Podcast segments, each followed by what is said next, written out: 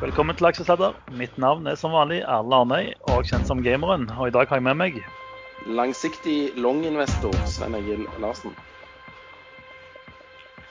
Og Erlend Henriksen, tidligere kalt Jallakongen, men nå kalt Hoffnarren etter en helt, helt håpløs trade. Og Lars Branningen, som i denne sammenhengen blir kalt for Reideren. Velkommen, gutter. Lars, før vi starter, skal vi ta den berømte eh, disclaimeren, så ikke folk eh, klager på oss. Den berømmelige disclaimeren det må vi ha, vet du. Den lyder som følger. Vi gir ingen råd. Dersom du hører på hva vi sier her om markedet, aksjer, enkeltaksjer og livet for øvrig, er ansvaret helt og holdent ditt eget. Og så må vi legge til at vi blir spurt om og snakker om en hel del aksjer. Det er ikke alltid at vi har helt kontroll på at informasjonen er korrekt, så vi må ta forbehold for at vi kan fort si ting som ikke er helt riktig. Long John Sven, hvorfor er du blitt Lange Sven? Hva Har du lyst til å utdype noe mer? Ja, det er det som virker nå. Det er bare buy and hold. Så nå har jeg gått over til den strategien. Jeg tror, aldri, jeg tror aldri vi vil få mer børsnedgang, så nå har jeg eh, lukket øynene og kjøpt. Holdt du deg på nesen òg, da? Hæ? Holdt du deg på nesen òg når du kjøpte? Uh, nei. Hvorfor skulle jeg det? Jeg vet ikke. Lukter vondt. Jeg vet, nei, det var en spøk. Men eh, Dagsen faller jo her nå. Jeg sitter lang opp etter skuldrene, holdt jeg på å si. Over skuldrene òg. Så hva, Oslo Børs har falt eh, 0,18 siden vi startet her. Ja, og hvorfor? Hvorfor faller det nå? Det ingen som vet. Du som er daytraderen. så du som det skulle, det skulle egentlig, Jeg fant et sånt planetsystem som signaliserte et stemningsskifte fra onsdag av. Men uh, kanskje det er det som begynner å kicke inn nå. Men det, i og med at det ikke skjedde noe på onsdag, da, så tenkte jeg nei, fuck it, jeg bare kjøper. Du, du har ikke begynt å spå aksjekurser som kaffegrut òg? Nei, jeg, jeg, har uh, Nei, det har jeg faktisk ikke gjort. Nei, du, Kanskje du har mer hell med det enn planetene dine? Ja, kanskje. Men eh, Erlend, du er jo blitt eh, den offisielle hoffnarren. Har du lyst til å utdype hva som har skjedd? Det er et uh, Merkur-selskap som heter Zenit Energy. Uh, olje i uh, var Aserbajdsjan, og nå er det Afrika. Ehm, da, da, de ga opp, eller ble kastet ut, eller offisielt, så, så fant sjefen ut at det de hadde i Kongo i Afrika, det var som en Ferrari, og det de hadde i Aserbajdsjan, det var som en Skoda. Så hvorfor beholde en Skoda når man, når man kunne kjøre Ferrari? Um, og den kursen har bare falt og falt siden. Um, det, det, er en litt lang, komplisert historie, og det, de feltene de er inne i og prospektet de har, ser jo faktisk fantastisk flott ut. Uh, men det er mye rart rundt det selskapet, og jeg tok en trade i går, for han hadde en timeslang presentasjon, sånn conference call. Og Da tenkte jeg at da kom han sikkert til å klare å snakke kursen opp, men uh, han snakket den ned isteden. Så da ble det et 15 forsmedelig tap på en trade i en aksje som jeg ikke har rørt på et par år, og som man ikke burde røre. Sånn er det. Men har du kommet deg ut av aksjen, eller sitter du støkk? Ja, jeg har solgt meg helt ut. Men med tap, da. Så man kommer ikke ut av sånne aksjer uten tap. Bare vær glad du kom deg ut. Høres ut som en bra aksje. ja, jeg hadde nok kanskje holdt den litt til, for den eh, har gjerne en tendens til å plutselig gå 30-40-50 Men når, når, eh, børsen plutselig begynner å bråfalle uten at man skjønner hvorfor, da, da skal man i hvert fall ikke sitte i sånne aksjer. For da er det ikke en eneste kjøper å selge til. Men, eh, men, men, du har jo hatt relativt god flaks med denne Jalla-strategien de siste månedene, da, så det er jo på tide at du lander litt du òg, tenker jeg.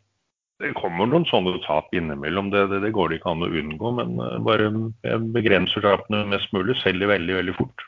Eh, og så prøver vi å holde det som går oppover. Og det har fungert veldig bra i et helt år nå, faktisk. Eh, og egentlig hovedsakelig i alle aksjer. De går én etter én, og de går veldig langt når de først går.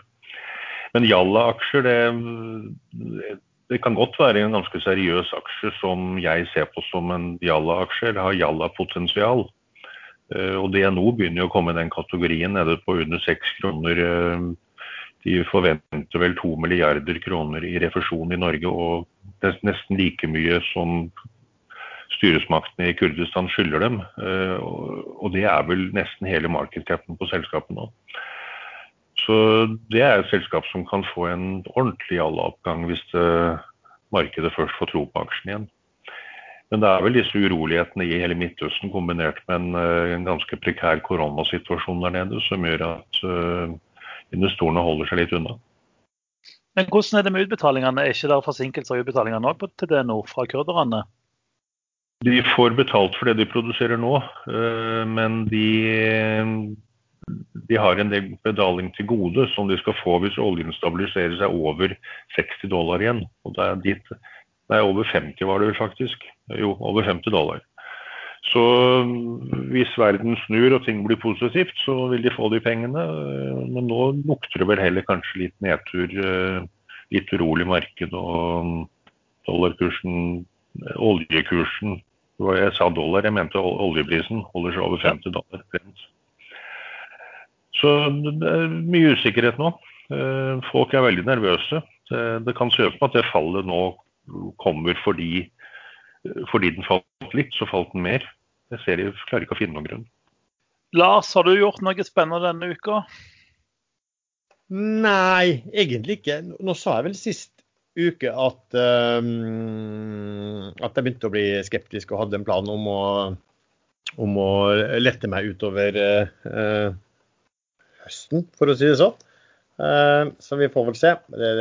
Jeg syns ikke det er så mye å ta på vei på at markedet faller en prosent en dag. Liksom. Det har gått opp så mange ganger uansett at det, det spiller egentlig ikke noen stor rolle. Men det, det er jo teknologi da, som, som, som, drar det her noe, noe, voldsomt. Jeg skal ta et sånn lite eksempel på det, hvor, hvor mye det utgjør eh, litt senere i sendingen. Jeg har akkurat kjøpt, kjøpt meg nå på formiddagen i dag så har jeg kjøpt meg et eh, ordentlig skakkjørt drittselskap. Men jeg, jeg, jeg, lurer på om det er for spekulativt å helt at jeg skal helt nevne det her. Men du, du vet at hvis vi ikke nevner det nå, så får meg og deg 5000 mailer, meldinger, brevduer, fakser, fordi alle vil vite hva det er. Så det er mye lettere at du bare sier det og advarer eksplisitt ikke gjør sånn som jeg har kjøpt den greiene her, og så kjøper halvparten likevel fordi du har kjøpt det. Nei, det håper jeg virkelig ikke de gjør. Uh, men, vet du, jeg, kan, men jeg kan heller ta det bare som et sånt lite sånn uh, Kan jeg få tipp, uh, tips? tippa hvem det er?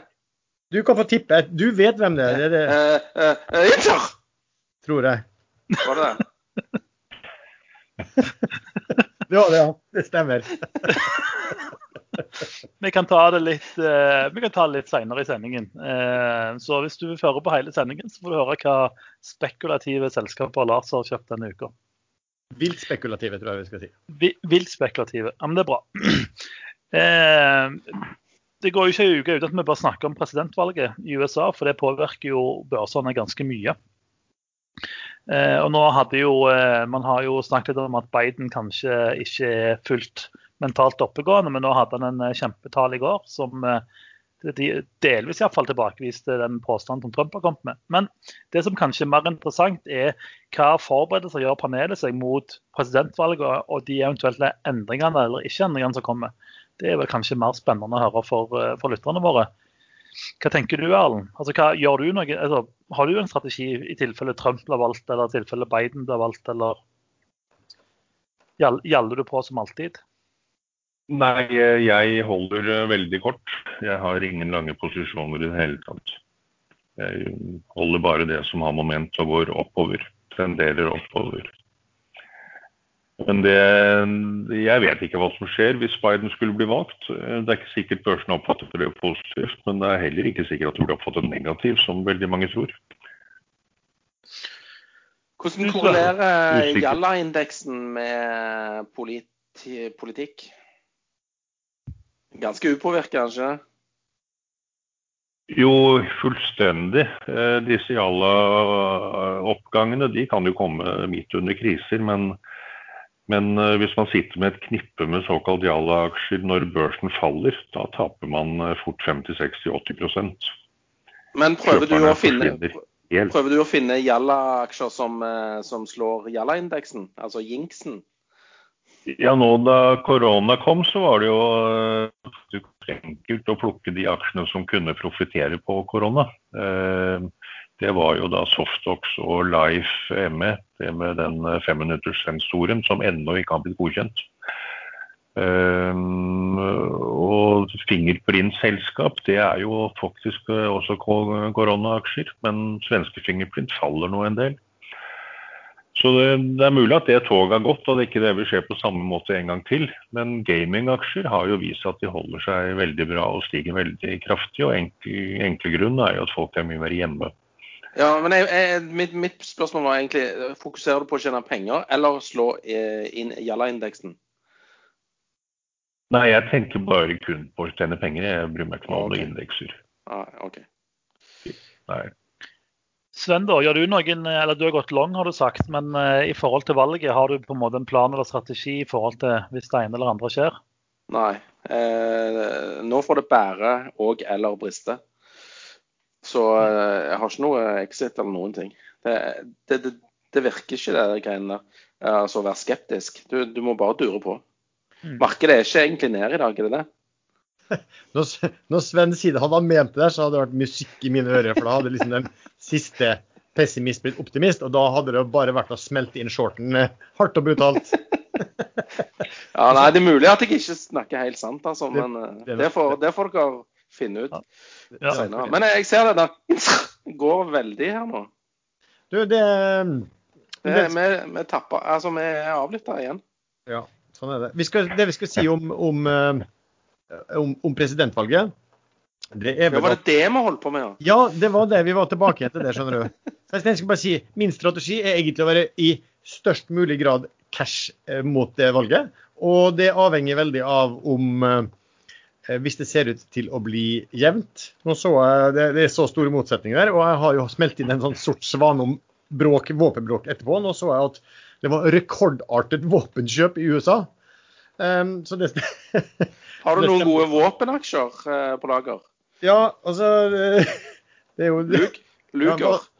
Ja, nei, jeg, jeg, jeg, drar den der litt langt. Du, Det så som var litt interessant, forresten, var vel at han Biden hadde vært og uttalt seg. Han har jo snakket om å ha en sånn, innføre CO2-avgift. Eh, gjorde han i, i, valgkampen, i den demokratiske valgkampen. Men nå er det moderert ganske kraftig. Så nå snakker de vel om at, eh, at han skal droppe det. Fordi at det er viktigere å ha Eh, veksttiltak som bidrar til arbeidsplasser og alt det der etter covid. Så det er kanskje noen ting som også vil eh, man, Det er jo typisk når man er altså Demokratene, når de har sin når de har sin valgkamp, så ser den kanskje ytterliggående ut, og så modererer de seg inn mot uh, valget. og Det er kanskje det vi, vi ser nå også. Og så, og så, vil jeg si en ting bare. Være med, være med republikanerne når de har valgkamp, så ser det ille ut. Og etter valget så blir det enda verre.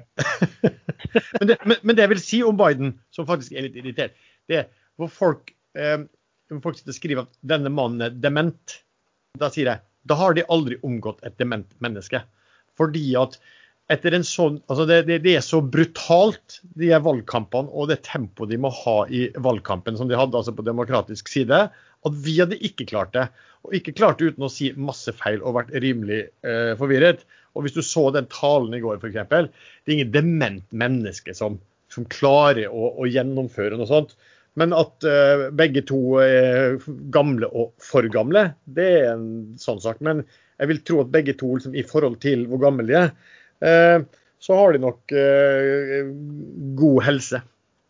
Det kan, det kan, jo være at hele talen er sånn deepfake, sånn datateknologi. At Biden egentlig ikke er der. At de bare har simulert den. Nei, nå har jo han, han deltatt i diskusjoner med Elizabeth Warren og han Bernie Sanders og alt der, da, uten å være helt borte. Så jeg tror som sagt, Hvis man vet hva demente, så vet man at det der er ikke dement, for å si det sånn. Nei, nei det var en spøk. Eh, men jeg tror, eh, jeg tror mange puster letta ut etter den talen i går, fordi eh, nå har han på en måte narrativet med Slow Joe, ikke det han sier, han Trump? Eh, Sleepy Joe. Sleepy Joe er det, men eh, nesten samme. Eh, og det er på en måte motbeviste jo i går. Eh, personlig så kjører jeg litt sånn som alle i panelet. Jeg prøver å ha aksjer som er lett å komme seg ut av hvis valget ryker. Eh, meg og Lars har jo et veddemål om det er Biden eller Trump, og jeg tror faktisk Trump vinner. Ikke at jeg håper på det, men å, forberede meg på en måte hva det kan bety av, eh, av kjipe eller eh, spennende ting. jeg har en teori, da.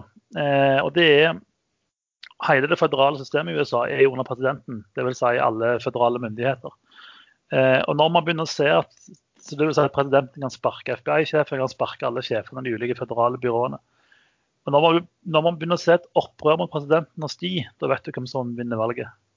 For alle de vil jo beholde jobben. Og hvis de ser at Trump er i ferd med å tape, så vil de reagerer annerledes. Så jeg tror det er liksom det, det forvarselet du får hvis eh, Trump er i ferd med å tape. Tror jeg. Så det, det er iallfall min, eh, min teori, da. Så får vi se om jeg får rett eller ikke.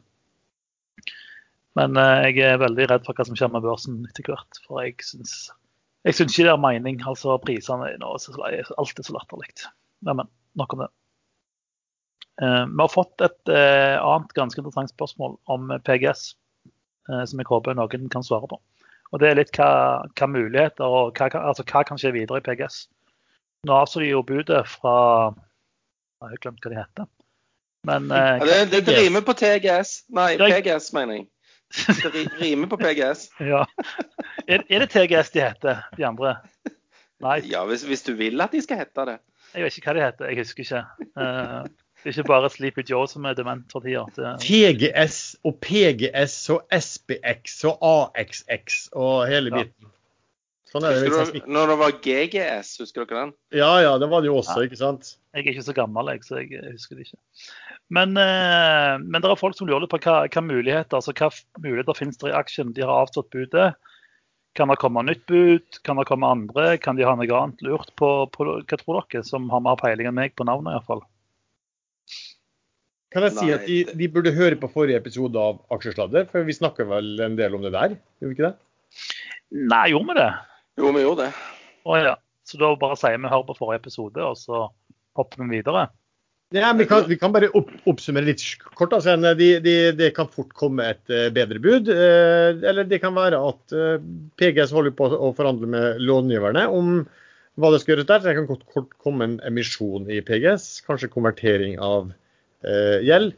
Det er vel långiverne der som bestemmer mer enn aksjonærene, for å si det sånn. Så, ja, så det er ikke godt å si. PGS var jo ikke villig til å diskutere med TGS, så det virker rimelig dødt. Men skulle det PGS nå plutselig ombestemme seg og komme krypende, så vet jo det fordi at långiverne har sagt at de må det. Og, og da blir jo ikke prisen like høy, tror jeg.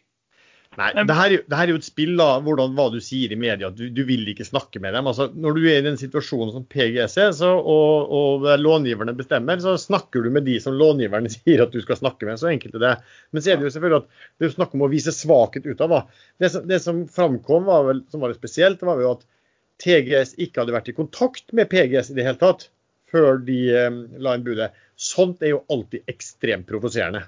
Den normale måten er at du går til styret og sier at du vil fremlegge dette her. Er det noen ting dere vil, vil liksom akseptere og, og anbefale um, aksjonærene? Men det hadde de ikke gjort. Da Så da, klart, da blir det jo vondt blod, da. Men uh, TGS uh, vil vel utnytte muligheten da, når ene, laget, ene, ene, ene mot, eller konkurrenten sliter. Så når du skal kjøpe en aksje, så ringer du til eierne av aksjen og spør om uh, det er greit du legger inn et bud? Ja, gjør ikke du det? Nei, jeg bare durer på, jeg. Jeg driter i hvem som eier aksjen. Ja, jeg bare slem, byr. Slem, slem Egil. Av og til så kjøper jeg på Ask òg. Ja, hadde, ingen, hadde ingenting de skulle ha sagt. Da var det mine aksjer. Blir ikke han Ask litt sur, da? Ask? Hæ? Nei, jeg, jeg vet ikke. Jeg tar ikke hensyn til følelsene. Det er veldig viktig å holde eh, det emosjonelle utenfor uh, aksjehandel. En følelsesløs Sven. Hæ? En følelsesløs Sven. Men eh, en, en, annen ting. Eh, Kahoot har jo gått som ei lita kule på Merkur. Og nå skal han over på Oslo Børs i 2021, har de vel sagt. Så jeg vet ikke om de har sagt noen måned. Eh, men så da folk som lurer på, det, Kan det påvirke kursen noe positivt? Dette må jo Slemmesønn kunne svare på. Ja, det kan det. Men det kan òg påvirke negativt. Men hva, hva, er det som skjer altså, hva, når han går inn på Oslo Børs? Nei, det, det bare åpner for at eh, enkelte andre aktører kan kjøpe aksjen, som ikke kan handle på Merkur Market. Fordi at eh, det står i statuttene at de kun skal holde på å si, handle på regulerte markedsplasser. Merkur er vel òg eh, regulert på en eller annen måte, men eh, i mye mindre grad enn en Oslo Børs hovedliste. Så ja, det åpner opp for, for at seriøse aktører kan ta i den med ildtang.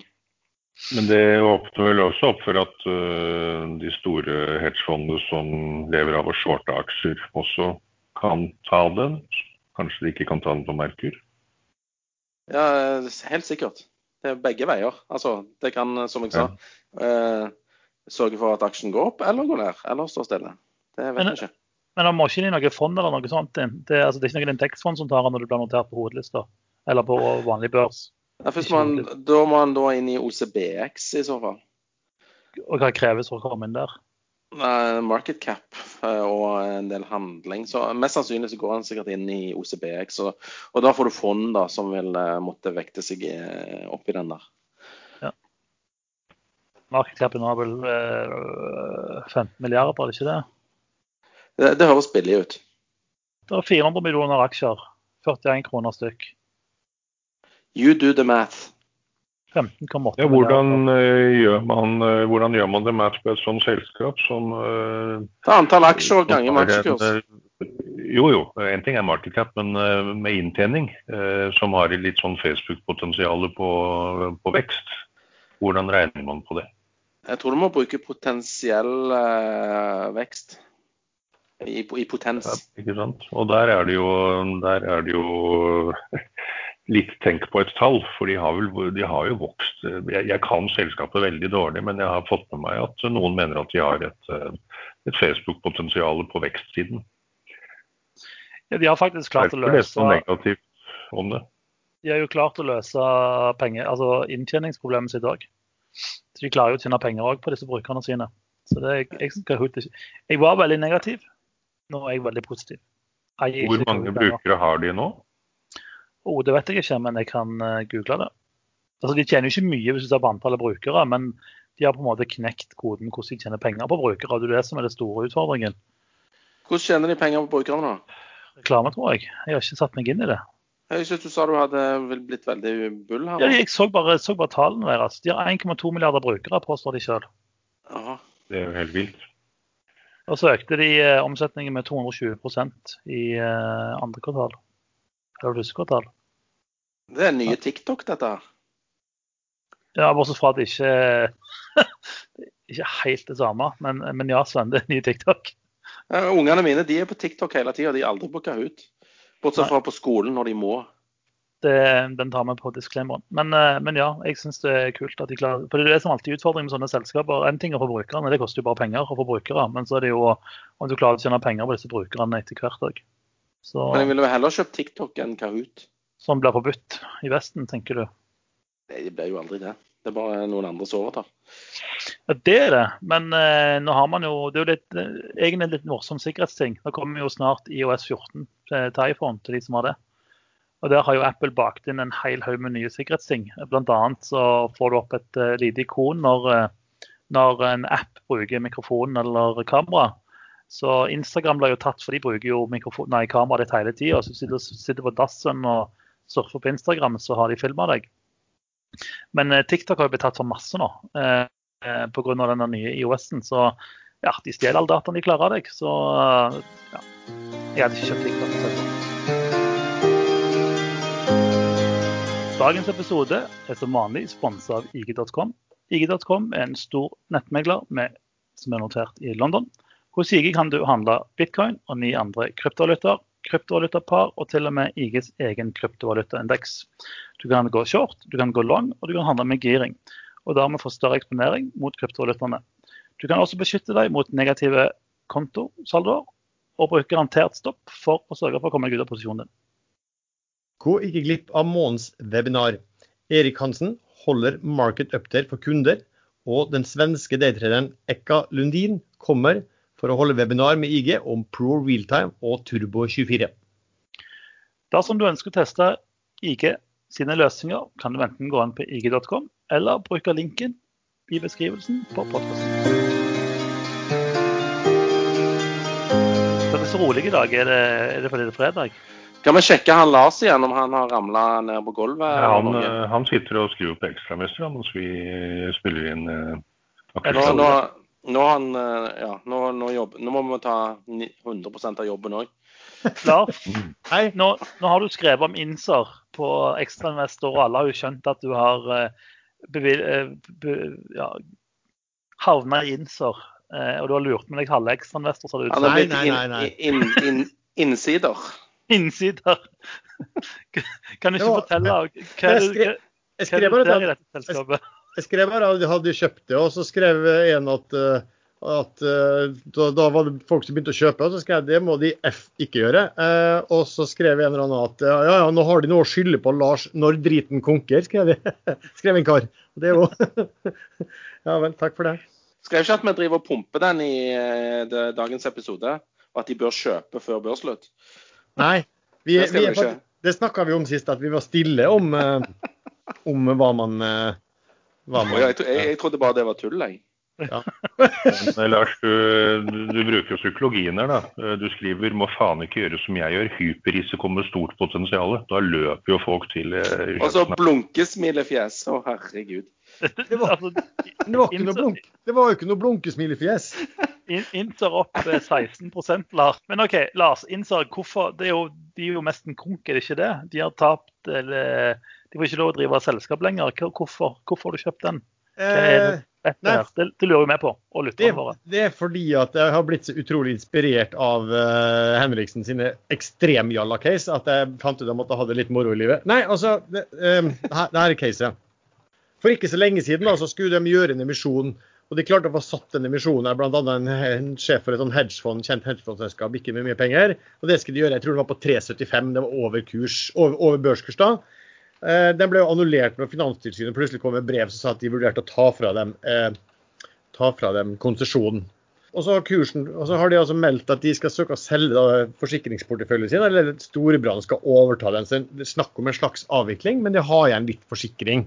Og for å få den dealen med, med, med Storebrand, så er de liksom avhengig av å få drifte forsikringsselskap og porteføljen ut året. Så de er litt avhengig av tilsynet godtar det. Men for å dra sånn kjapt regnestykket mitt på det, det var at eh, jeg så at selskapet var prisa til en sånn, ja, rundt 75 eh, millioner kroner, var det vel da jeg kjøpte det. Eh, Så så jeg på balansen. altså den var, Da hadde de vel en, en egenkapital på 350 milliarder eller noe, men det var bare tull. For da hadde de masse sånne intangibles, goodwill og tøys og tull. Så jeg tok vekk alt det som hadde på det ikke reelle. Og da består et skadeforsikring består jo da, består jo da egentlig igjen av eh, hva de har plassert pengene i. Masse stats, eh, hundrevis av millioner av statsobligasjoner. Og så har de da forpliktelse overfor kundene til å betale for skader. Så, men jeg netta bort alt dette her. Eh, så fant jeg vel igjen at de sånn cirka satt igjen med eh, omtrent tilsvarende eh, på bok som børskursen i dag. Men nå har du jo en avtale med Storebrand at Storebrand minimum skal betale de 70 millioner kroner for å eh, overta eh, porteføljen, og maksimum 250. Altså, når Storebrand-analytikere antar at de kommer til å ende med å betale ut 115 millioner. Det er litt avhengig av hvor mange av kundene de faktisk Storebrand faktisk får, får inn på ny avtale, og, og hvor mange som faktisk ja, eh, og hvilke, hvilke vilkår det blir. da. Men hvis du da begynner å tenke på at OK, de, hvis man hadde gjort balansen om til cash i dag, uh, så hadde de hatt 70 millioner. Eh, Så får du et sted mellom 70 til 250 mill. eh, fra Storebrand, og nærmere 70, da, si 115 da, som, som analytikerne antar, så er du da oppe på ja, 190 mill. Og så har du én ting. Du har et framforbart underskudd på hva er det, 1,6 milliarder kroner. Altså, verdien av det teoretisk er jo 350 millioner, bare det. Men sier du at den teoretiske verdien at, at du kan eh, regne 20% av det, så får du nye 70 millioner av det. Så det er spørsmål hvem kan utnytte det. Det må i så fall bli et forsikringsselskap. Og, og alle vet at eh, det er vanskelig nå å få utnytta eh, framførbare underskudd. Uh, og det gjør også at du skal ha en lav verdi på si, den teoretiske verdien her. Så hvis du begynner å legge sammen de tallene her, så kan du godt komme opp i en eh, verdi som er 200 over nivået nå, og, og mer enn det òg. Men så har du andre ting. Finanstilsynet kan si nei, dere var så ræva at dere får ikke drifte engang den porteføljen. Og da forsvinner jo den store brannbilen fort uh, ut vinduet. Pluss at dette er et selskap som sånn historisk sett har hatt helt elendig regnskap. Og, og hvis du ser revisors, revisorserklæringen i regnskapene og sånn, så har de hatt vesentlige innsigelser og vært, vært veldig skeptisk, og det har tilsynet også vært. Er Derfor de vil ta fra dem konsesjonen. Så her kan det godt være at det dukker opp ting da, i, eh, i regnskapet eh, som viser seg at, eh, at de er helt feil ute på ting. Ikke sant? Altså, de, har, de har satt av altfor lite til, til uh, antatte uh, tap. For det er, det er, jeg skal ikke gå inn på det, det er komplisert i hvert fall å beregne tap på inngåtte forsikringsavtaler før, både etter en viss skade og før, før oppgjør, da, og, og, hva du kan, må anta at det kommer for type skade. Så skal de drifte denne porteføljen sin på rundt en milliard. De skal de, altså drifte det ut året og litt over i neste år. Og det kan du være helt sikker på én ting, at når du skal gi bort, da har du ingen ambisjoner om å bruke penger på drift. Du kommer ikke til å kjøpe nye kontormøbler, for å si det sånn, og du kommer ikke til å bruke og investere i IT. Så de kommer jo til å prøve å maksimere mest mulig eh, av inntjeningen fra de, da. Eventuell inntjening, skal jeg si. Så det var det er liksom litt caset. Det er superrisiko. Jeg har ingen anelse hva tilsynet vil si. Ingen anelse hva som finnes i det, i, i det regnskapet, om det kommer bomber der. Det vil overhodet ikke overraske meg om det kommer eh, fete bomber der. Men så får enhver bare liksom, sitte og veie opp prøve å veie opp sannsynligheten da, for at det ene og det andre går. Og da fant jeg ut 'let's have some fun', og det blir da en liten del av min portefølje uansett. Så ja, sånn er det. Men eh, når eh, liksom eh, Nå setter de inn emisjon, og så kommer eh, Der er emisjonen satt. 3,75. Nei, vent. Eh, den skal sjekkes. Kommer varemannen inn. Nei, den er annullert. Er sånn det virker? Ja, altså Det der var jo veldig rart. Nei, altså, De hadde satt en emisjon, og, og, det er jo kanskje det som kan være litt av grunnen til at det er liksom Er det noen bomber i regnskapet? Mm, når, når, store aksjonærer ville gå inn og gjøre emisjon på 3,75, som faktisk var over børskurs, og de fikk med seg en kjent sånn hedgefondforvalter inn, som skulle inn med en, en, god del penger også, så, så sitter jeg med altså, og, og, det ble gjort innsidekjøp. Så de selv kan i hvert fall ikke ha trodd på at det lå bomber i, i, regnskapet. Men, men altså, fra de hadde inngått avtale om å gå inn med penger, til de faktisk betalte disse pengene og det ble registrert, så kom dette brevet fra, uh, fra Finanstilsynet, som åpenbart må ha vært en overraskelse for dem. Og da beslutta de at uh, vi kansellerer den inngåtte avtalen.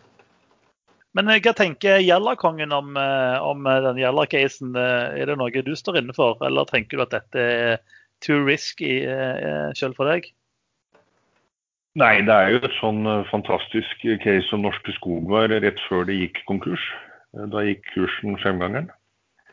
Eh, så sånn sett er det flere grunner til at denne aksjen kan gå så det griner. Både fordi den kan være verdt mer enn den prises til nå, og fordi, eh, fordi aksjer har en tendens til å gå høyt før de eventuelt konker. Men hvor er den notert, Innsir? Oslo Børs, er ikke det? Han er, på, han er, ikke på, Merkur, så du må ut av den ME-listen. Og så over på hovedlisten. Ja. Jeg, jeg får bare lov å kjøpe Merkur-aksjer, ja. Det, men det, det kan si hva som har skjedd etter den meldingen kom. Nå har det vært, Kursen har jo kollapset, men det ser ikke ut som de største. Altså Det er vel eh, Øresu, vet dere, de, han Kviberg som, som er stor aksjonær der. Jeg husker ikke hva det selskapet heter, han svenske. Og, og, og Svea og sånn er jo inne der. og ja, tror Hagen, Svein Erik Hagen inne. Altså, Ser ikke ut som noen av de folka der har solgt. Kan være at de ikke gidder å bry seg, og så kan det også være fordi at de eh, kan godt være at de sitter i innsideposisjon etter alt som har skjedd. Lars, Der heller jeg faktisk til at de ikke gidder å bry seg. Det, man så det på Norske Skog, det gamle Norske Skog da, da de gikk konkurs. Bertil Osten eh, og flere andre store ble jo bare med helt ned i konkursen. Mm. De, de, hadde flere muligheter å selge, spesielt da den gikk femgangeren fra da Sveås kjøpte seg inn på 30-tallet og, og kursen dro fra 0,40 dagen etter til over to kroner i løpet av to dager. Er ingen av de som solgte en aksje på den oppturen. Så det, det, er noe med disse store, gamle tunga at de, de blir med skipet ned. Spennende, men uh, risikofullt. Så får vi se hvor mange som eh, liker risiko, da. Jeg har ikke innser og ingen planer om å handle, faktisk. Det er sikkert det mest fornuftige. Ja, jeg eh, kjenner at meg, jeg, er sånne eh, jalla-aksjer allergisk mot meg, så det går aldri bra. Lars, vi har eh, egentlig et spørsmål som går litt på det vi snakket om sist gang. Det var Adevinta og de dotcom-boblesammenligningene som vi holdt på med i forrige episode. Om du har lyst til å prate litt mer om det? Wow. Datt han av stolen nå? Jeg tror han datt ut vinduet. Ja, kanskje, kanskje det. Men, men, men Lars setter seg opp. Det er, slemt, det er slemt å le, men han satt jo i glasshus, gjorde han ikke? Ja. Men Han bor i femte etasje òg, så det, det vil jo gå litt kaldt. Er du tilbake, Lars? Jeg er tilbake igjen nå. Ja. Du snakka, du snakka vi om det i forrige episode? Jeg vet at jeg skrev en sånn veldig surmaget kommentar om det i eh, det her eh, e-mail-nyhetsbrevet Børsekstra som, eh, som jeg sender ut. og som... eh, Men jeg vet ikke om vi snakket om det i Du nevnte det i en bisetning, eh, noe med .com, men dere kan jo nevne mer om det nå. Ja, altså, det var jo da sånn at det kom en eh, Det kom en et, et, en analyse fra som Altså det jeg har sagt er at Analytikeren, du starter med å se på inntjeningen. og Når det blir for dyrt, da, så begynner du å snakke om driftsresultatet. og Når DS blir for dyrt, så begynner du å snakke om driftsresultat, altså før bad things, da gjerne EBITA, som de elsker å, pushe i disse dager. Og da sa jeg vel at og da er det ikke lenge før de kommer tilbake til Når, alt, når det begynner å se dyrt ut på det òg, så begynner de å snakke om eh, prissalg. For det var, det, de holdt, det var jo det de holdt på med under dotcom-perioden også. Da var det plutselig ja, prissalg. Og da var det typisk at de sa at nei, men det finnes noen utlandet som er, som er dyrere. Og, og nå kom jo da Carnegie. Eh, Jeg vet ikke om de har bytta analytiker, men de endrer i hvert fall anbefalinga av vinter og dobla kursmålet. Eh, og da skrev han at, eh, at han, eh, analytikeren skrev at det er nok mange investorer som blir avskrekket av prisingen. Men hvis man ser til utlandet, er det ikke så mange som er opphengt i EV EBITDA-multipler. Globalt er EV-salg, EV altså delt på salg, en helt vanlig multipel, å benytte for å verdsette rubrikkselskaper, som tillegger at og til at Adevinta nå handles mellom 10 og 12 ganger eh, EV-salg. Og da mente at til sammenligning så fant man mange internasjonale rubrikkselskaper til en multiple 15-20 E- EV-salg. Og da var det jeg sa at her var det egentlig bare å skrive inn 1999 og bytte navn, og si at det er et internettkonsulentselskap. Og, og argumentasjonen er prikk lik. Det kjenner vel du til også. eh, Husker du også, Sven, hvordan det ble gjort? De skulle bare kalt det for adevinta.com. Ja, husker, jo, husker du disse selv, altså disse her eh, internettkonsulentene? Husker Ja. det, var, det var jo et sånt norskhet, da, og de ble jo da prisa. Altså, det var jo sånn at, eh, at, at de, alle disse internettkonsulentene kunne bare bygge opp en, en butikk eh, på et par dager på nettet som knekte alle med en gang. Og så husker jeg det var liksom et norsk sånn eh, eh, selskap som hver konsulent, og da, da tror jeg de kalte sekretærer og hunder og katter og alt mulig som fantes i nærheten av lokalet, jeg tror de kalte dem for internettkonsulenter. Og hver av de ble priset til 7 millioner kroner. Toppleder den gangen da, sa at nei, det hadde hun fått forståelse var veldig billig. Fordi at i Sverige så ble selskap, selskap priset til 10 millioner per internettkonsulent. da. Og Det endte jo med at alle disse her falt til slutt 90-95 nå, nå er jo Adevinta et mye mer imponerende selskap enn som så. Men det er bare argumentasjonen. altså Drit i inntjeningen, bare se på salg. Og det finnes andre i utlandet som er mye billigere i, forhold til salg. Så dere investorer ikke blir avskrekket av, liksom, av inntjening lenger. Det, er- personlig så, ja, Da begynner man å minnes tider der det smalt grundig. Så det du sier at det er egentlig greit å ikke makse giringen eh, om dagen, men heller eh, ha litt cash. Det jeg sier er at nå, vet du hva, når jeg skrev den her, for det var en ordentlig sånn surmage, jeg smelte til med litt annet på det, da fikk jeg en del tilbakemeldinger fra folk som både er eh, kjente analytikere og andre, som sa at det var de faktisk helt, helt enig i. For for da la jeg til også at, at de måtte slutte med å bruke så Nå sitter jo alle og, og hvis du ser selskapene, de pumper ut, og analytikerne de pumper ut dette her, øh, prisingen i forhold til EBITDA. Altså EBITDA, EBITDA for å si det sånn, det er et driftsresultat. Og EBITDA det er driftsresultat før eh, avskrivninger. Kanskje jeg skal gjøre sånn lite, litt, Jeg skjønner at det er vanskelig å forstå, men nå skal jeg gjøre en sånn lite eksempel bare. Enkelt. Sånn at folk skjønner hva, hvorfor EBITDA er dumt å bruke. Hvis du tenker at du hadde et selskap, et drevet selskap, eh, og du for å levere det, det produktet du skulle, så måtte du ha, kjøpe en maskin til La oss si den kosta fem millioner. da. Og det gjorde at du tjente da, eh, EBITDA på 1 million kroner i året. Eh, ifølge analytikeren så ville jo det vært fantastisk.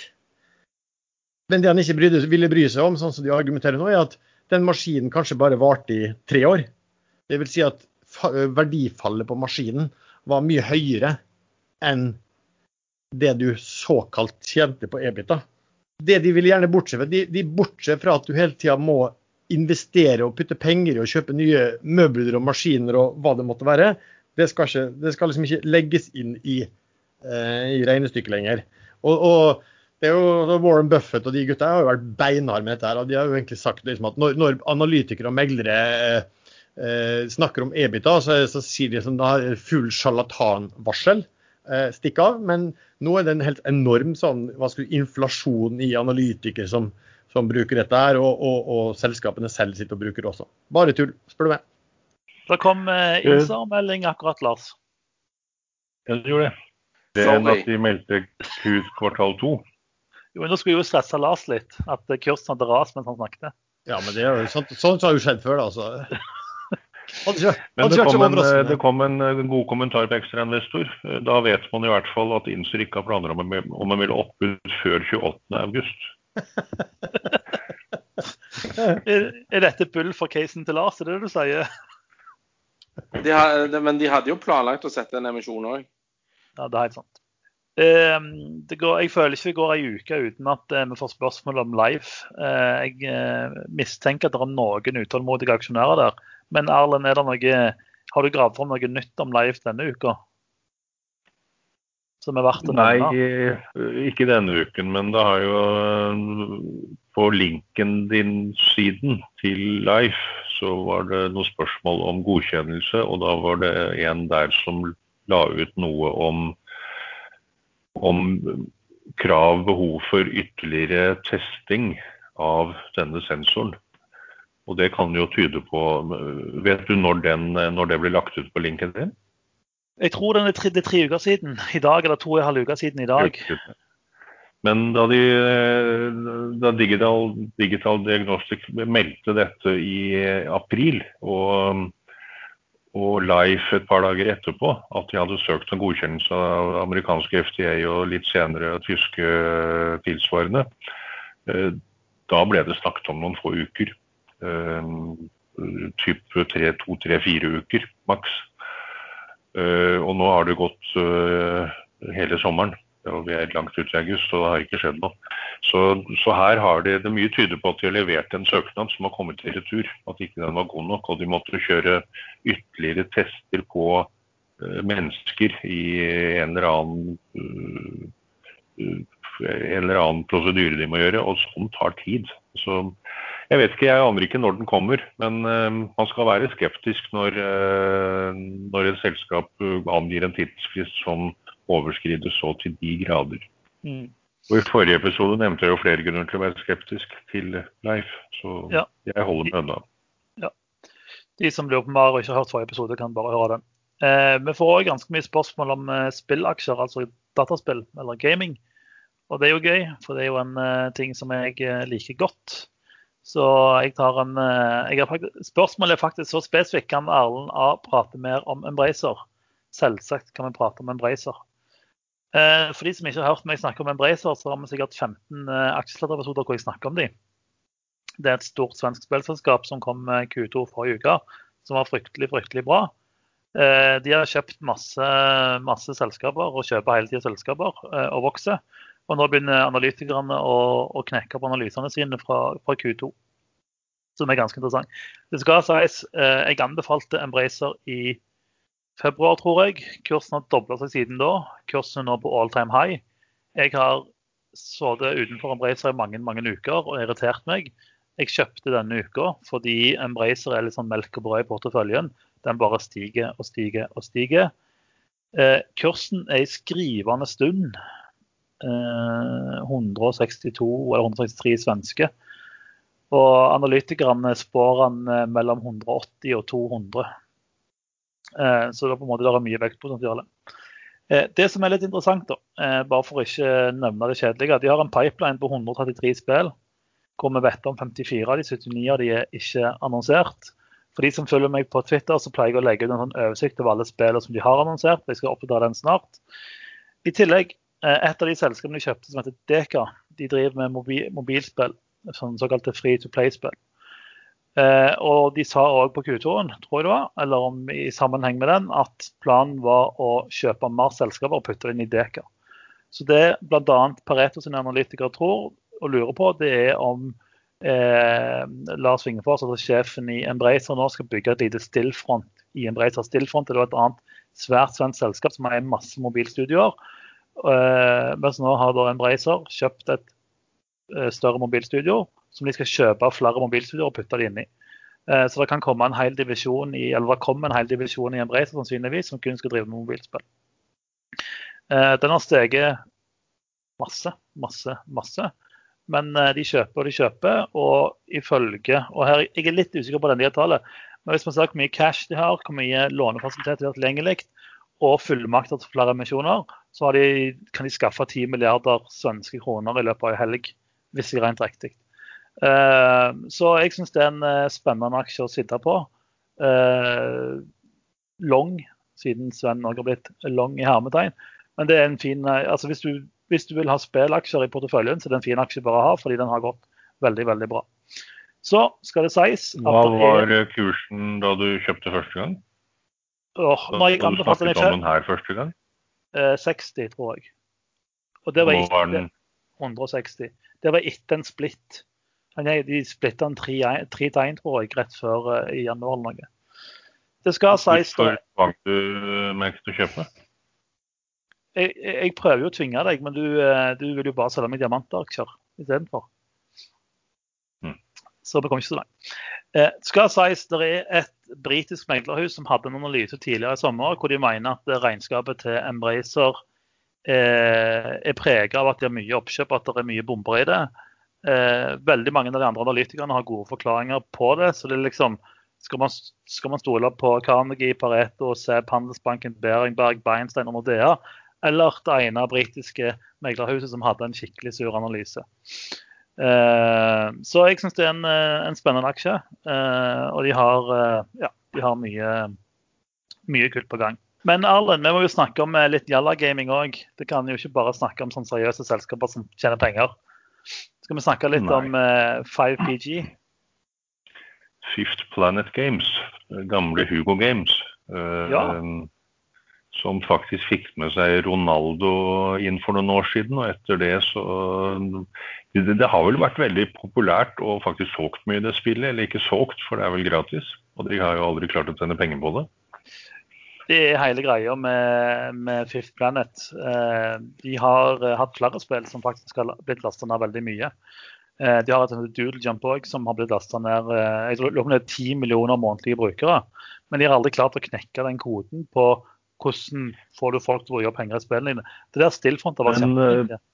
Doodle Jump det er vel ikke de som lanserte eh, og fikk 200 millioner nedlastinger på? Det er vel noe de har overtatt 50 av rettigheten til, er det ikke det? Jo, så de er eksponert mot Doodle Jump 2 som kommer. Ikke sant. Så det er jo um, Hvis de nå skulle Fifth Landcam har en del i pipeline, og så har de akkurat kjørt en emisjon på 45 millioner kroner. Betalte ut en gjeld de hadde på en pluss-minus 7 millioner kroner og har da la oss si 35 millioner cash eh, og er gjeldfrie. Eh, og har Doodle Jump, og så lanserte de akkurat Tintin som en sånn 10 000 spiller beta-test. og fullanserer spillet i løpet av august, og det er jo bare ti dager til. Siden viktig, august er ferdig. Viktig poeng er jo at de, had, de kom seg jo faktisk ut av et dødsspirallån uten å dø. Ikke sant. Uh, emisjonen ble kjørt på én krone, nå ligger den på 1,75 uh, akkurat nå. Eh, har vært oppe i to kroner og tre øre for noen dager siden. Uh, og har ikke vært så mye under 1,75. 1,263 var vel bunnen, tror jeg. Etter emisjonen på én krone. Men du, 5PG, jeg så en sånn artikkel jeg leste i Financial Times som stod om spillbransjen. At det har kommet opp veldig mye aktører, og en del av var sånn veldig suksess også. At, at det var liksom en ny måte, istedenfor at man før eh, Lane brukte veldig mye penger, lang utvikling på å lage spill som veldig mange skulle ha, så var det masse sånne studier som lagde veldig kjappe spill. Eh, gjorde det på veldig kort tid. Testa det ut. altså De brukte ikke noe markedsføring, de bare testa det ut på sendte ut. Hvis de så at uh, dette fikk bra um, respons, så begynte de å bruke penger på markedsføring. den tiden her. Uh, er er 5PG uh, på Ja. vei inn i en sånn modell? eller Er det det de holder på med og skal holde på med framover? Ja, litt, men ikke helt. Altså, når de softlauncher, så er det det de gjør. De slipper spillet for å få tilbakemelding. Uh, og så bruker man, man har det som heter user acquisition cost, som på en måte òg alle online-kasinoer driver med. Hvor mye penger bruker du per bruker du får inn, og hvor mye penger får du av hver bruker du får inn. Eh, og Det vi så, det som er bra da for Fifth Planet, eh, er at user acquisition-kosten nå er veldig lav pga. korona. Eh, Stillfront skrev veldig mye om dette i i Q2-rapporten sin, hvor de skrev at eh, det er mye mindre folk som kjøper reklame, som betyr at det å kjøpe reklame er billigere, som igjen betyr at user acquisition-kost er billigere. Eh, så det man ofte gjør, er at man har et spill, og så har man det spillet levende i mange mange år. Og så justerer man på en måte hvor mye man bruker på utvikling og videreutvikling og reklame ut ifra på en måte hvor mye brukere man har, og om spillet er vellykket eller ikke. Så det de gjør da med Tintin, Og- som er, egentlig er en uh, Candy Crush-klone uh, altså det, Hvis du har spilt Candy Crush, så har du spilt Tintin, bare du, det er Tintin-tema på det. Så softlauncher de det, og så ser de hvor mange som liker det, og så gjør de endringer, og så ruller de ut eh, moroa i de markedene og de segmentene som på en måte liker spillet. En softlaunch vil jo fortelle deg på en måte er det 15 år gamle gutter, er det 15 år gamle jenter, er det 45 år gamle damer, eller er det hvor gammel er Erna? 50 år gamle statsministre som spiller spill. Altså, og Da kan du på en måte tilpasse reklamen etter den demografien ikke dette, som spiller spillet ditt. Men nå meldte jo selskapet selv tilbake at de har uh, veldig høy score, uh, fire. Uh, nå vet jeg ikke hvilken skala den er. Er det 1 til 100 eller er det 1 til 5? 1 til 6, tror jeg. Eller én til fem. Ja, så, så fire er greit. nå. Så ser jeg på ekstrainvestor at det er en del godt voksen ungdom som har meldt seg på betatesten og har spilt dette her, og sier at de har brukt flere timer på det uten at det blir kjedelig. Og Det er jo et godt tegn. Men er på en måte aksjonærer som eier aksjer, de du vil høre på når de spiller bra eller dårlig? Nei, Her tror jeg faktisk at det var noen som kjøpte seg en etter at de hadde testet det, fordi de syntes det så interessant ut. Men, men clouet er jo klarer, vil eh, Plan- Planet Games klare å tjene penger på dette her. Eh, Det er jo sånn in game-kjøping i disse i disse spillene. Så hvis folk blir hekta, så eh, putter de inn litt penger for å kjøpe ekstra ditt og datt. Jeg kan ikke dette så godt. Men eh, hvis, hvis de skulle få ordentlig god drive på dette Doodle Jump 2, eh, som har blitt lastet ned 200 millioner ganger og har 10 millioner brukere om dagen, var det ikke det de har nå? Det er Doodle jump Doodle Jump 1. 1. Ikke sant? Hvis de skulle klare å lage en oppfølger til det som er like vellykket, eh, da kan du plutselig begynne å bli litt fugl av Fifth Planet Game. Hvis de klarer å tjene penger, som de aldri har klart. Ikke sant? Det er det som vært utfordringen deres. Men eh, det som jeg egentlig er mest interessant, interessert i, og jeg sendte de også en mail før i dag, jeg har faktisk kjøpt aksjer i dag bare for å kunne klage. Eh, De kom jo med et spill som er basert på Vikings-IP-en, for de som har sett den serien. Eh, Det spillet skal komme i september, men blir kanskje utsatt fordi IP-eierne, altså de som eier Vikings-IP-en, var ikke fornøyd med kvaliteten.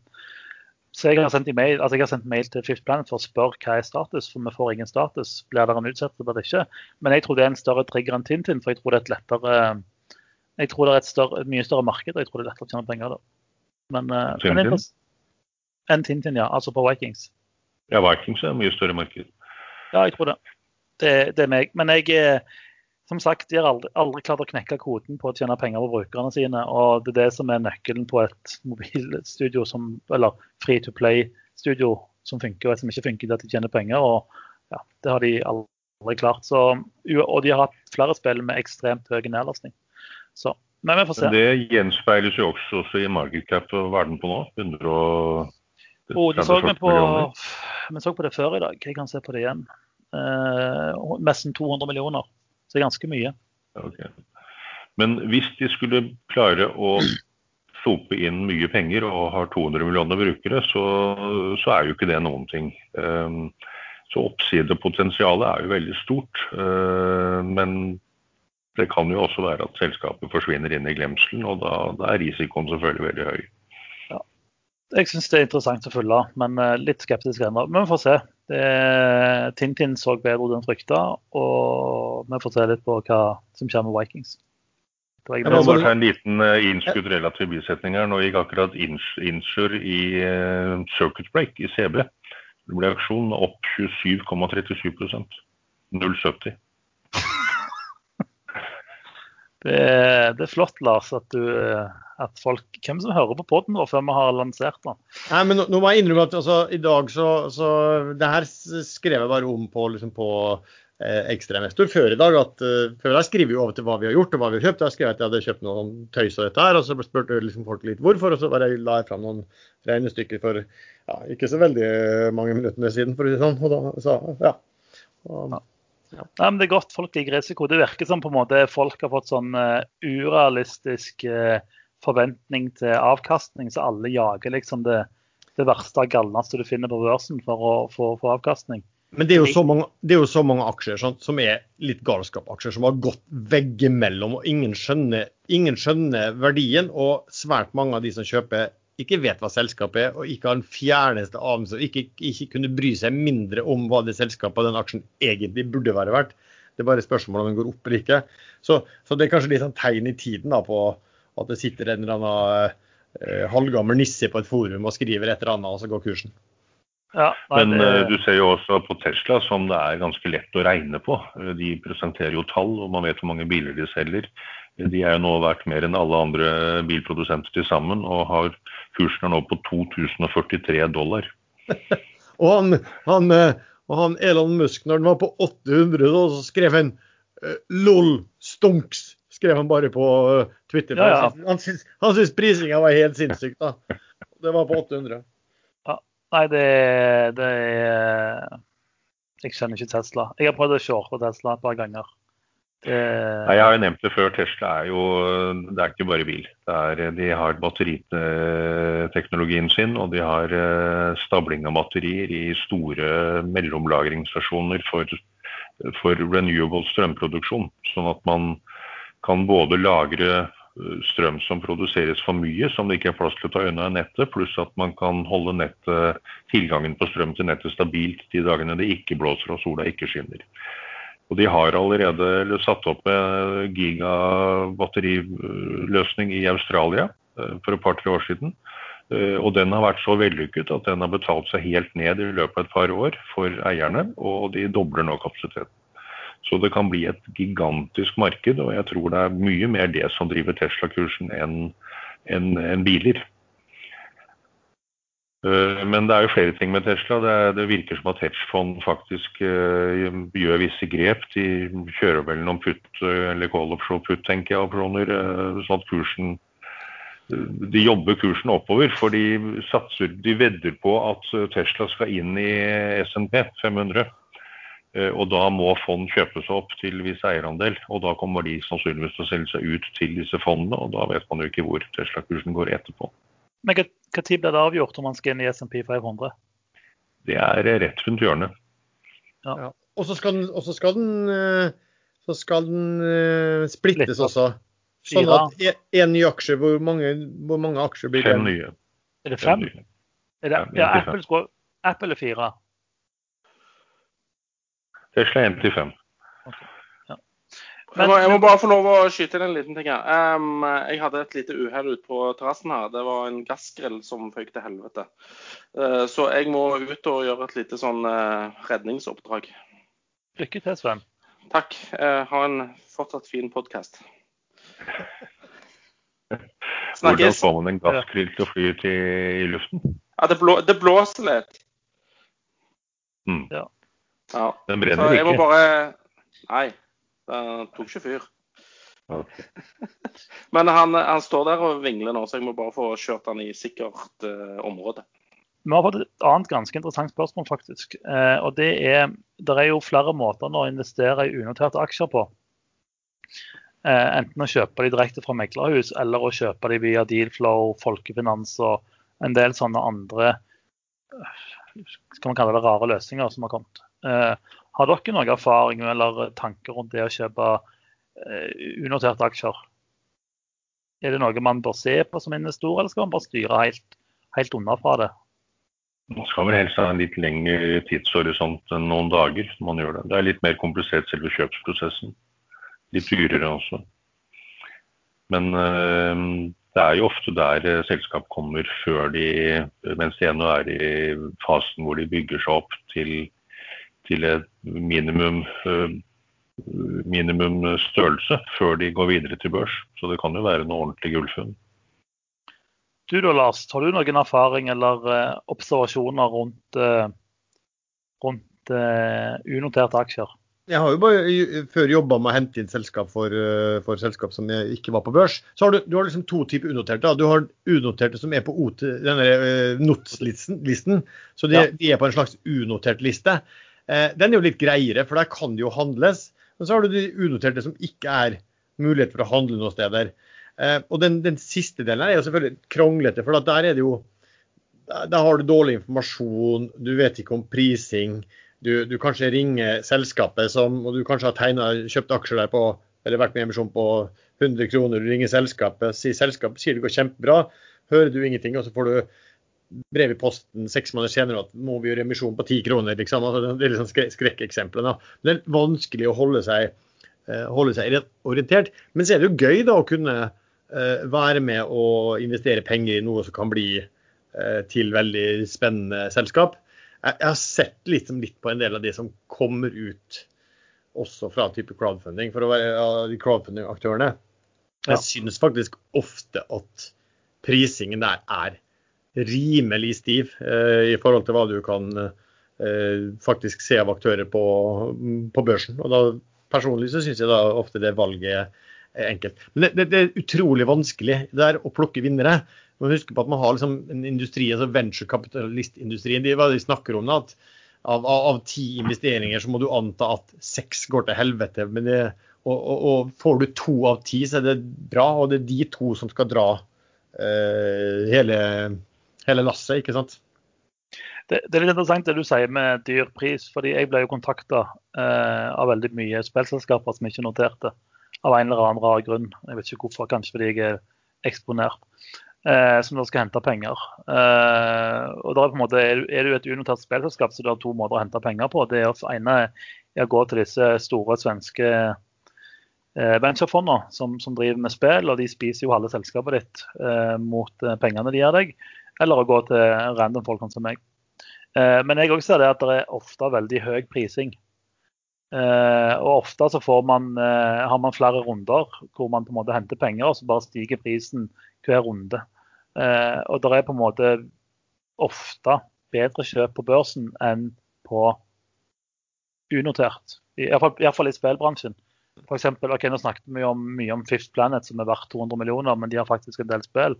Vi har snakket mye om Sordic, som har kostet 60 millioner, men jeg har på en måte funnet unoterte spill som de på en måte har verdsatt langt over 100. Sant? Og de har aldri, aldri stoppet et spill engang. Så det, jeg er litt enig med deg, Lars, at det er en del som er dyrt.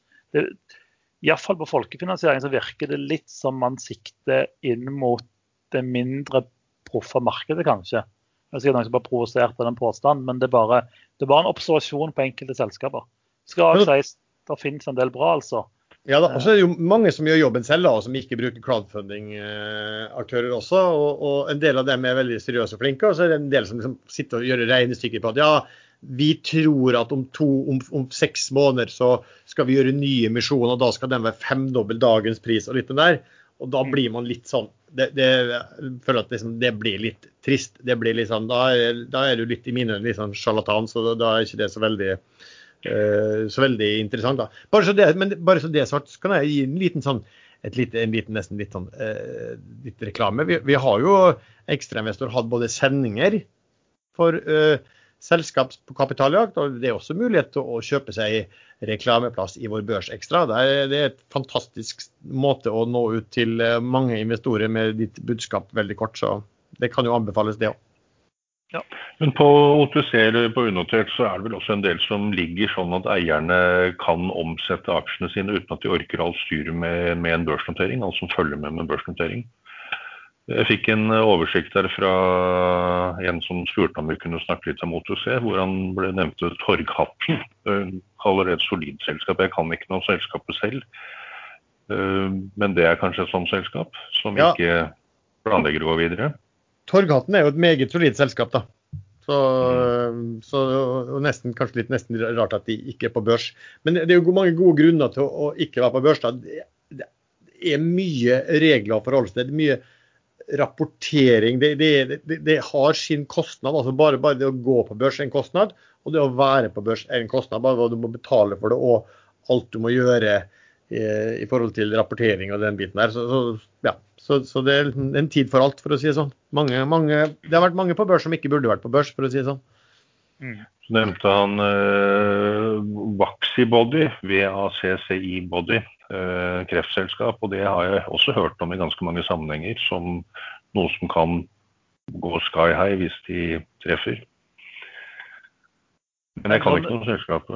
Nei, men sånn er det jo med alle bioselskaper. sant? Enten vinner eller forsvinner.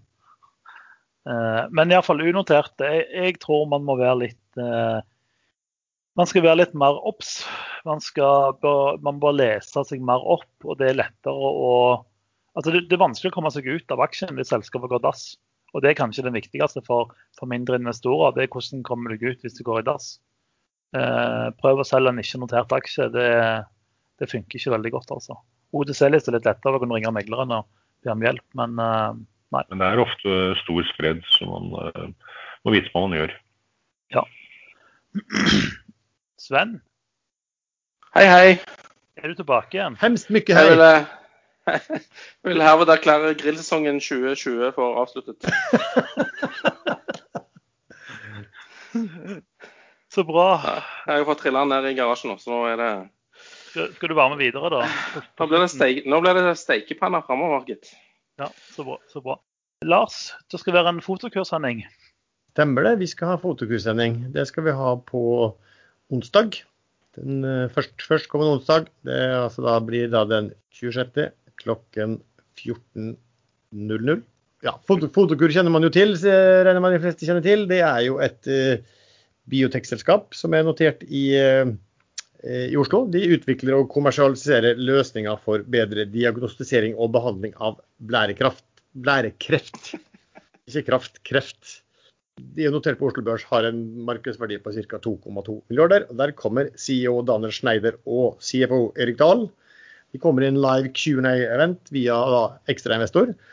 Uh, og den sendingen blir moderert av aksjeanalytiker Rikard Anderkrans i ABG. Så uh, onsdag 26. klokken 14.00. Gå live på Facebook i eh, Facebook-gruppen Børsforum. Og så skal vi legge den ut på YouTube og på Ekstrainvestor i etterkant. De eh, vil gjerne ha inn spørsmål til sendingen. Det er jo en Q&A-event. Så hvis du har eh, spørsmål som du vil ha adressert der, så kan du sende de til info.ekstrainvestor.com.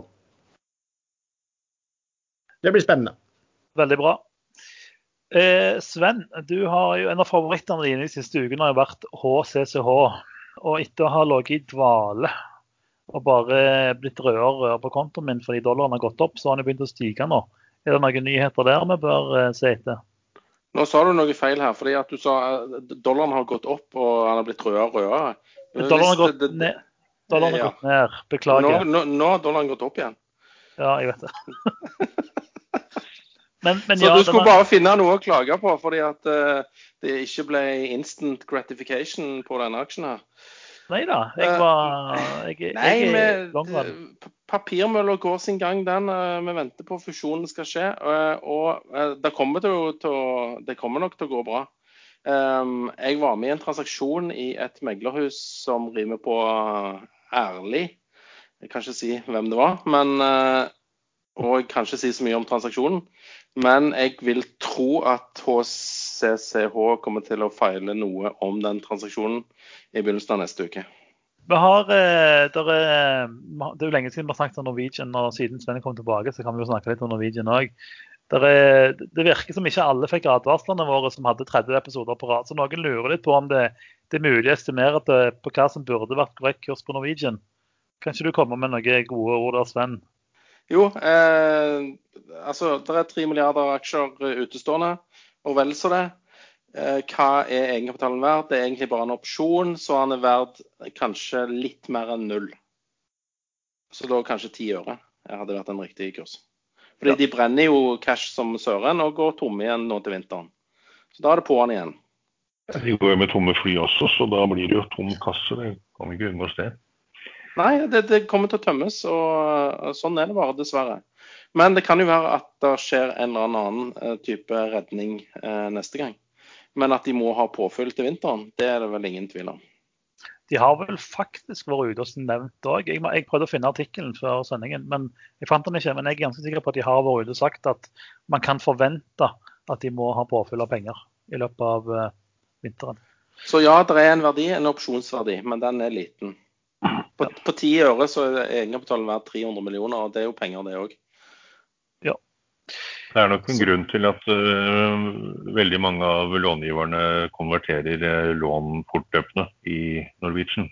Det er for at de skal kunne få disse aksjene ut, i hvert fall uh, når de fremdeles har en verdi. De konverterer jo på over fire kroner, og kursen ligger nå på 1,25 rundt der. Så de, de har vel funnet at de lånene, gjelden, til eh, Nassin gjeld har liten verdi, og da konverterer den ellers, så de i hvert fall får litt tilbake. Så jeg vil tro det ikke tar lang tid for den å ramle godt under én krone. Skal vi ta ukas eh, tips? Sven har allerede sagt HCCH igjen. Eh, Erlend, noen eh, tips fra, fra leiren din? Jeg har jo siste uke og noen ganger før har jeg nevnt Idex og faktisk også Next som ukens tips. og De er litt vanskelig å ha som ukens tips, for det betyr ikke at de skal opp den uken. Men det er det, er det jeg anser som uh, billig når jeg snakker om det, eller som et muligens godt kjøp. Uh, og det syns jeg ennå. Og nå har Next falt under to kroner. Fra 22 var den kanskje sist. Eh, emisjonen var på to kroner der, og Idex har falt uh, skal vi se, til 1,71 akkurat nå. De kjørte emisjonen på 1,60. Så jeg tror de kommer utover høsten. Da er store forventninger, eller det kan bygges store forventninger til at de kommer til å få volumordre. Og så får man jo se etter hvert ut til neste år om det slår til eller ikke. Men sånne aksjer går gjerne på forventninger og ikke på tall.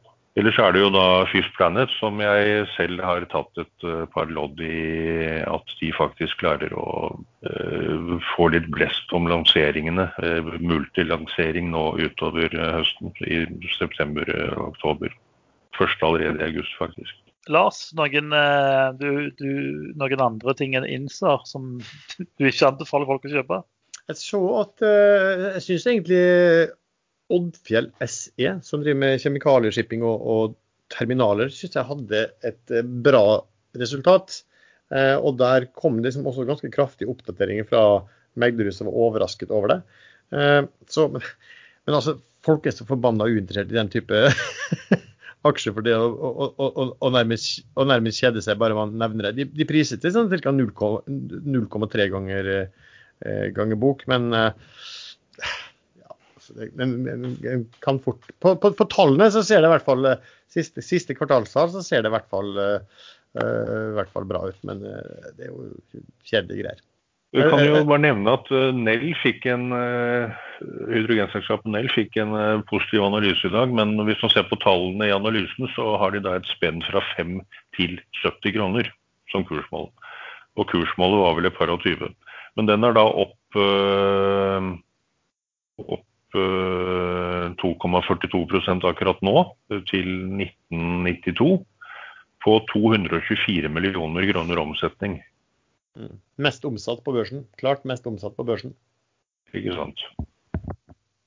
50, faktisk, 50% faktisk mer omsatt enn nummer to, som er, som er Movi. Det er helt sykt, faktisk. Jeg kan jo ta mine tips. Nå har jeg jo snakket om en Bracer som på en måte en eh, fin, fin grunnmur i porteføljen. Eh, ellers er det jo EG7 som slipper sin siste tittel for året den 25. august. Så er spørsmålet skal aksjene gå opp mot den lanseringen. Kanskje, kanskje ikke. Jeg tror iallfall det, så derfor har jeg kjøpt den aksjen. Ellers så har jeg òg eh, blitt med på Sven sitt eh, hydrogeneventyr, så jeg er jo spent på om det blir bra. Ikke at jeg anbefaler andre å bli med, men jeg har iallfall satsa på at det går bra. Eh, SNP satt faktisk ny all time high eh, for to dager siden. Og den ligger vel i det samme området ennå. What, what's corona? Det var en sånn litt interessant når man snakker, vi har snakket om jeg skal ta det veldig kort, men vi har snakket om liksom hvor dyrt amerik amerikanske er kontra europeiske børsene. Eh, og Financial Times de gjorde en sammenligning på SMP 500 i USA og SMP Europe 350. Eh, og det de så var at I USA så utgjør tech-sektoren 27 men bare 7,5% i Europa. Så tech har jo en betydelig høyere verdsettelse. Eh, og når da det er atskillig mye, mye, tyngre vekting tech, av tech-sektoren i, i, i, USA enn i Europa, så får du jo per, per definisjon en mye høyere eh, prising på eh, amerikanske SMP eh, sånn sett også.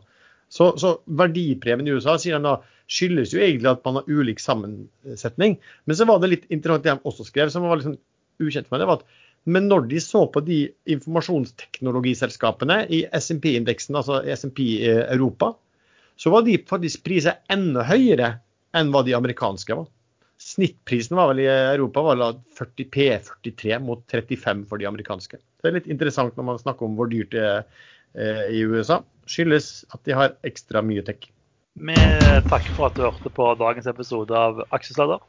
Eh, hvis du ønsker diskusjonen videre, komme tilbakemeldinger, stille spørsmål, så har vi en gruppe på Facebook som heter podkasten Aksjesladder. Vi finnes òg på Ekstrainvestor og på gruppen Børsforum på Facebook. Dagens musikk er som vanlig lagt av kjass.com. Du må ha ei en fin helg videre. Kan jeg komme med et tips til? Ja, kom med et tips, venn. Ja, det var det med de hagemøblene, da.